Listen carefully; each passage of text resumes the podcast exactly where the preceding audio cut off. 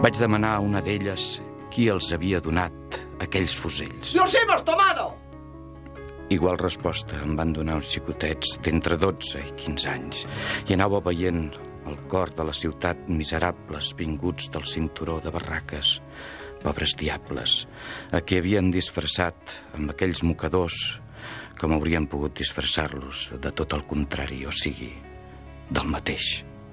Els mateixos que després, al llarg de tants anys, tantes altres vegades hem vist acudir a no importa què, sempre en multitud i amb els mateixos colors, vociferant d'entusiasme. Catalunya Ràdio presenta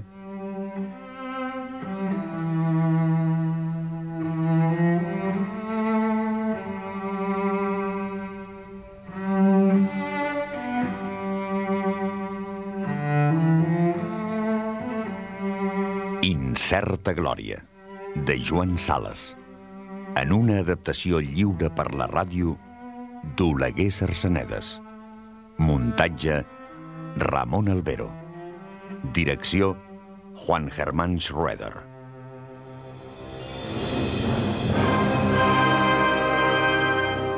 Incerta Glòria, de Joan Sales. Una producció de Catalunya Ràdio amb el suport del Departament de Cultura de la Generalitat de Catalunya. Oi que et preocupa el teu cos? Uh -huh. Oi que l'alimentes cada dia? doncs escolta, tu ets el teu cervell. I el teu cervell també l'has d'alimentar. I molt. Dóna-li el millor que hi ha. Allò que té més aliment. Els llibres. Tenen vitamina A, B, C, D, E, F, G, i així totes, fins a la X, la Y i la Z. Alimenta el teu cervell. Llegeix llibres. Catalunya. Endavant amb la cultura. Capítol 81 i últim. La mentida.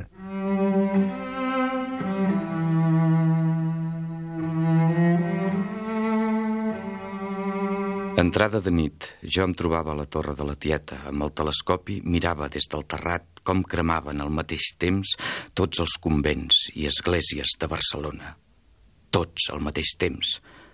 Escampades d'aquí d'allà, per tota l'extensió de la ciutat, les fumaroles negres pujaven cap a aquell cel de juliol, roent com la tapadora d'aram d'una caldera. Mentre els incendis crepitaven, bandes volants d'assassins ja recorrien la ciutat i el país. La victòria es tornava borda. Començava una espantosa confusió entre nosaltres mateixos. La guerra, que potser hauríem evitat o almenys hauríem fet units com a fills de la mateixa mare, anava a ser una lluita caínita si n'és de vell el truc, vell com el món. N'hi havia dotzenes i a centenars. Les mosques van sortir de sobte per recobrir-ho tot. Un tal Pep Put, un tal Gravat, un tal Quimet Soler van ser atrapats amb les mans a la massa els primers dies. Per ells era un joc de criatures, enfilar-se en un campanar i disparar contra els passants. No calia pas res més per fer creure a la pobra gent la notícia increïble. Que no som capaços d'empassar-nos en matèria d'atrocitats. Monges enterrades vives amb els punys encadenats. El país va viure set mesos sota el terror. Els fronts ho sabíem, però no ens ho acabàvem d'imaginar. Jo m'hi havia incorporat a primers d'agost, després d'haver estat durant un parell de setmanes donador de sang primer, infermer després als hospitals de Barcelona. Un cop al front, la rereguarda quedava tan lluny. Les notícies ens en arribaven tan tard, tan fragmentàries i nebuloses. I el nostre desig de no creure-ho, o almenys de no creure-ho tan horrible, era tan gran. Però, Déu meu, aquest altre ho va fer exactament com jo anava a fer-ho. Hi ha aquest detall estrany. Vaig retrobar el telescopi. És per això que el torno a tenir. El vaig retrobar darrere la cabana, entre els esbarzers. Sí, era allà, a quatre passes del cadàver. Aquest desventurat telescopi que jo creia perdut altra vegada. I a les nits, entre dos sons, sento una opressió intolerable.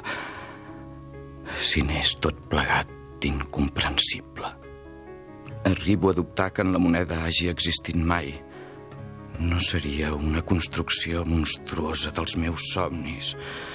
Però si realment va existir, si no era un fantasma de la meva imaginació, quin misteri, la seva mort. Per què va morir crucificat?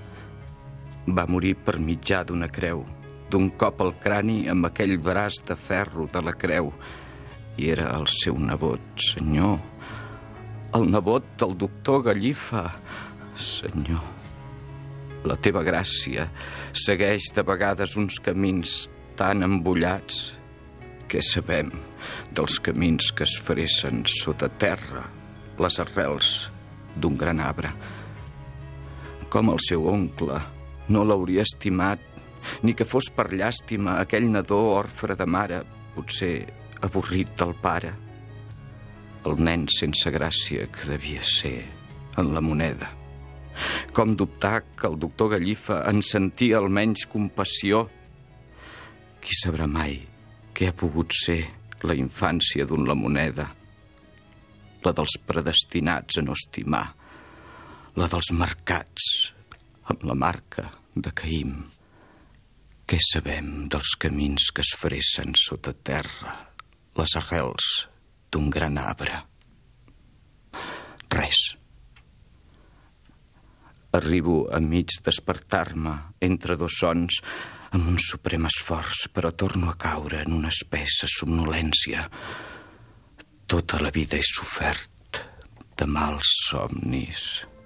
Em despertava tot avergonyit d'haver-les tingudes, aquelles visions monstruoses o criminals. Ara, Ara estic sol, esglaiosament sol. Per estrany que sembli, en la moneda em feia companyia.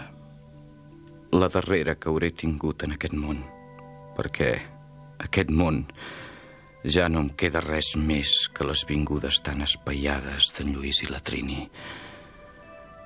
Si un descobreix cares amigues en la fosca del túnel, ara les vagues lluors que comencen a anunciar l'altra boca són cares de joves que no poden comprendre res del que he viscut i he sofert jo.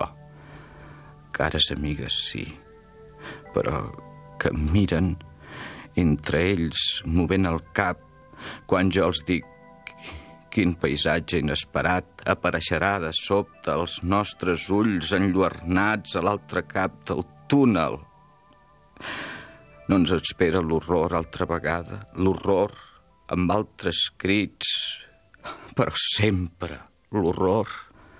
Ah, si aparegués aquella pàtria terrenal que somiàvem com un besllum de la celestial, somnis en veritat innocents, però tan profundament arrelats en el nostre cor, retrobar la llibertat com qui retroba la casa dels avis després de rebondejar anys i més anys, esgarriat i sense sostre.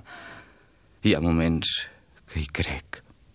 Les esperances d'altre temps tornen, el caliu perdura sota l'enorme munt de cendra. En Lluís, jo l'he vist transfigurat, aquell Lluís que diríeu que ja per sempre sort a tota fe, els seus ulls recobraven tota la resplendor de la joventut, només que de respirar aquell aire, res més que un buf d'aire, i ja tot el caliu es revifava. Ell i ella es trobaven a Barcelona, aleshores. Volem bisbes catalans! Volem bisbes catalans! Volem bisbes catalans! La gentada s'havia plegat en aquell carrer tan ample, davant d'aquell convent de monges també forasteres, on l'intrus havia decidit residir. Pancartes amb aquelles tres paraules s'alçaven sobre els milers de caps. I vet aquí que van començar les càrregues de cavalleria i els cops de sabre. Jo estava amb en Lluís i la Trini. Com brillaven els seus ulls, els del Lluís, igual que els de la Trini. Com cantava en Lluís, amb quina veu potentíssima. Tornava a tenir 20 anys. Quan amb el cap envenat pujava a l'avió que el duria a l'altre hemisferi, expulsat com a estranger indesitjable, em va dir abraçant-me. Tornaré, Cruells. D'ara endavant vindré sovint. Recobraré la ciutadania per poder venir quan vulgui. La pròxima vegada em podran engarjolar, però no expulsar-me. I era, en veritat, com un aire de resurrecció que tenia als ulls i a la veu.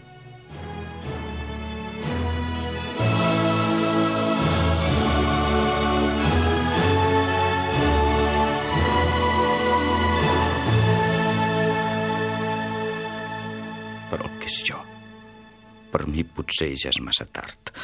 Quan arribarem a l'altra boca, ja alguna cosa haurà mort en mi per sempre, que no podrà ressuscitar. Ara els seminaristes em demostren un gran efecte.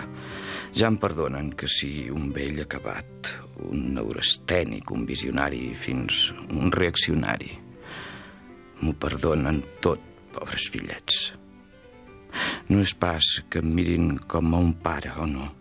Com a un pare, no. Em miren com a un avi, com a un avi que ja repapieja, però que va tenir el seu moment de joventut heroica. L'any de la picó. I de maduresa digna. M'envolten i m'estimen. Són tan bons xicots. Per què els desenganyaria dient-los que la meva joventut no va tenir res d'heroica i, sobretot, la meva maduresa, res de digna. No estaria bé que un avi decebés els seus nets, però em passa sovint que no arribo a comprendre el seu llenguatge. De vegades és com si el sentís de molt lluny, des d'una altra riba, potser des d'un altre món.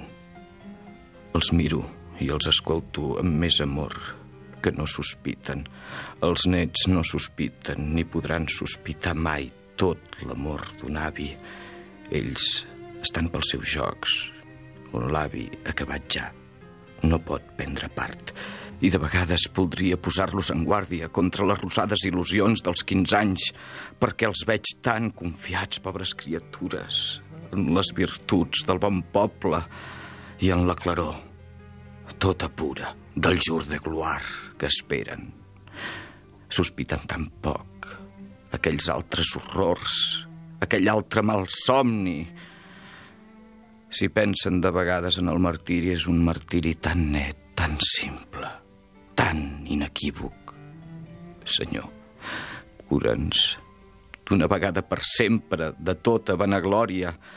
En veritat seria massa bonic de morir tot simplement per la fe o per la pàtria, per la justícia o per la llibertat. Seria massa bonic de ser el soldat mort per una causa justa, sense cap malentès. Quin nou parany ens espera encara. Quin nou incendi de Roma. És que les mosques no tornaran a sortir a la calor d'una nova canícula. Jo corria d'aquí d'allà entre el fum d'incendis i espetegada fuselleria i cridava Mentida! però la meva veu enregullada es perdia en el braular de la riarada. Ja feien circular la calúmnia. Els frares havien tirat contra el poble i jo cridava Mentida! Mentida! i la meva veu era com la ranera d'un ferit sota un munt de morts. Heu escoltat el capítol 81 i últim d'Incerta Glòria, de Joan Sales, amb les veus de... Cruells, Enric Major. Lluís, Gal Soler.